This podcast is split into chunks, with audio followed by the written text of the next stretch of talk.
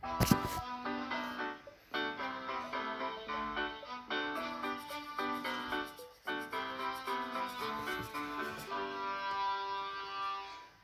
allemaal, vandaag lees ik voor uit Rommes, Raf en Zaza.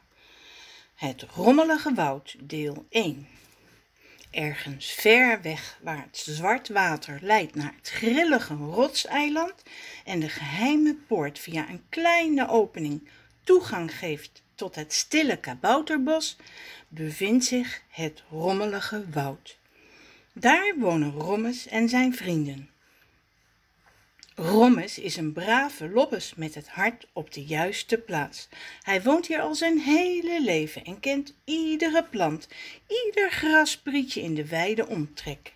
Maar ondanks alle mysterieuze verhalen die hij over de geheime poort gehoord heeft, is hij er tot nu toe nog niet in geslaagd die te ontdekken. In zijn geval is dat niet zo raar, want Rommes is op zijn rust gesteld. Lui is hij niet, maar hij houdt er gewoon niet van zich te vermoeien. Ook nu weer zit hij in zijn vertrouwde schommelstoel een beetje te suffen.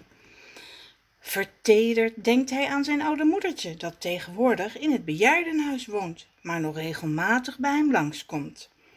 En zij is niet de enige die zijn huisje weet te vinden. Daar heb je bijvoorbeeld Raffi, de onstuimige aap die jaren geleden zomaar het rommelige woud binnenkwam springen en zich er zo thuis voelde dat hij nooit meer weggegaan is. En dat kwam niet alleen door al die fijne bomen waarop hij zijn acrobatische toeren zo lekker kon botvieren. Nee, hij voelde zich ook welkom in dit bijzondere woud. Rommes zucht tevreden.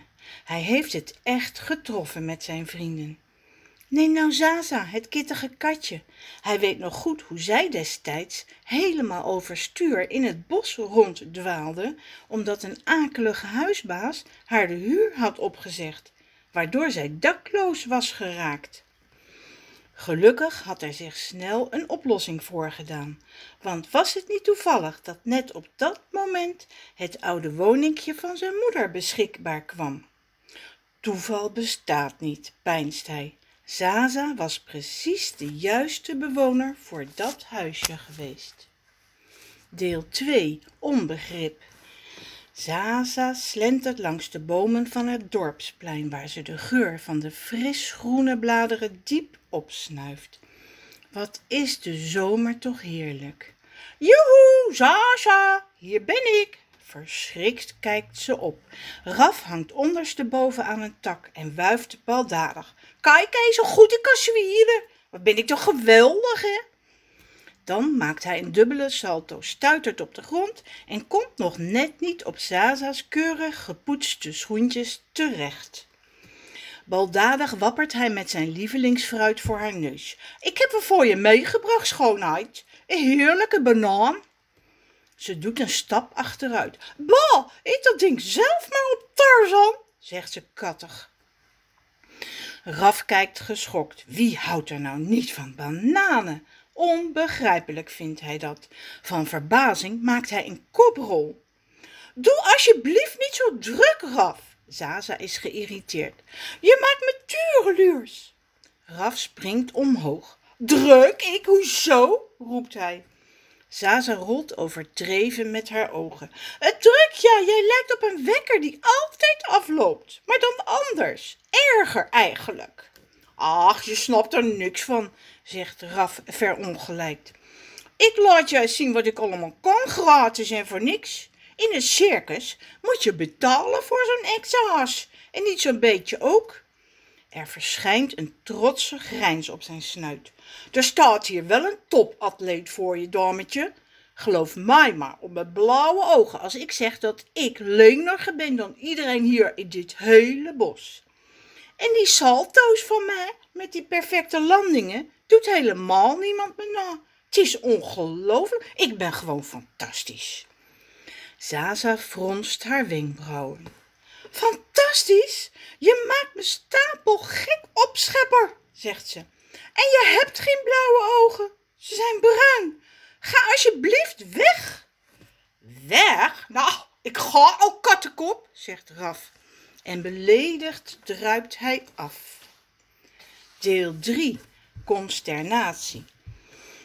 Rommes zit net buiten chocolademelk te drinken als Raf onverhoeds op de leuning van zijn schommelstoel springt, waardoor een scheut melk uit de beker precies in zijn gezicht spat. Raffie, wat doe je? sputtert hij geërgerd. Kan je niet uitkijken? Met zijn mouw veegt hij de druppel chocolade uit zijn snor. Dan kijkt hij naar Raf. Is er iets? vraagt hij.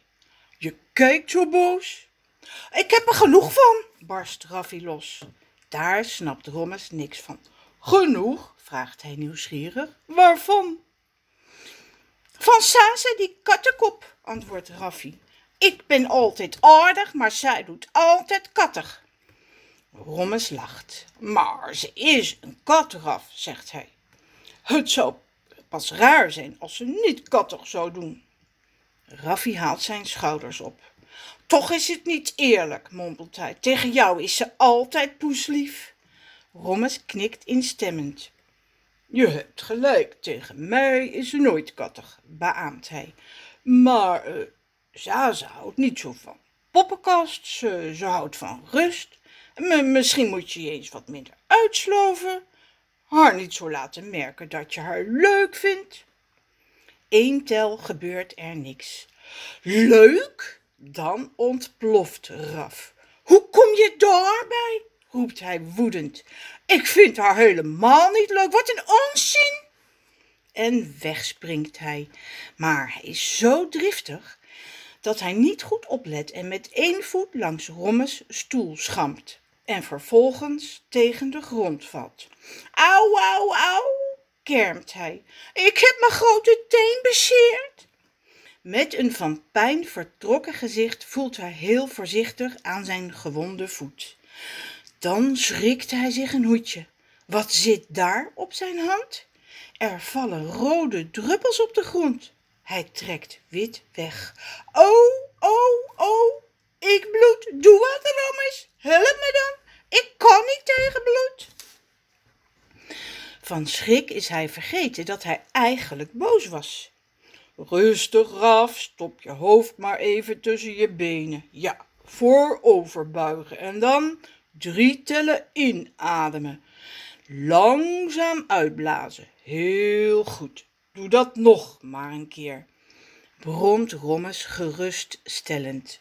Zie je, het gaat al beter. Laat me eens naar die wond kijken. Ach, het is maar een oppervlakkig sneetje. Dat zie ik met het blote oog al.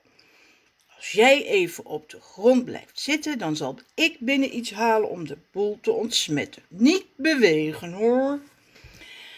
Even later komt hij terug met een wit-rood koffertje.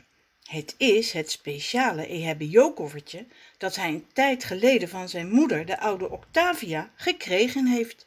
Het zit vol met handige spulletjes, zoals verband, aspirines, brandzalf en ontsmettingsmiddel. Er zit zelfs een tekenpen in. Jammer genoeg snapte Rommes eerst niet wat hij daarmee aan moest, want tekenen ging niet met die pen. Er kwamen alleen maar lelijke krassen op het papier, zonder kleur. Heel vreemd. Gelukkig vertelde zijn moedertje hem later dat het geen gewone pen was, maar een speciaal pennetje om een teek mee te verwijderen. En zij legde hem ook uit dat een teek een spinachtig insect is dat mensen en dieren kan bijten. Nou ja, dat was nu niet aan de orde. Eerst maar eens voor die arme aap zorgen. Daar ben ik weer af. Kom eens hier met die zulige teen.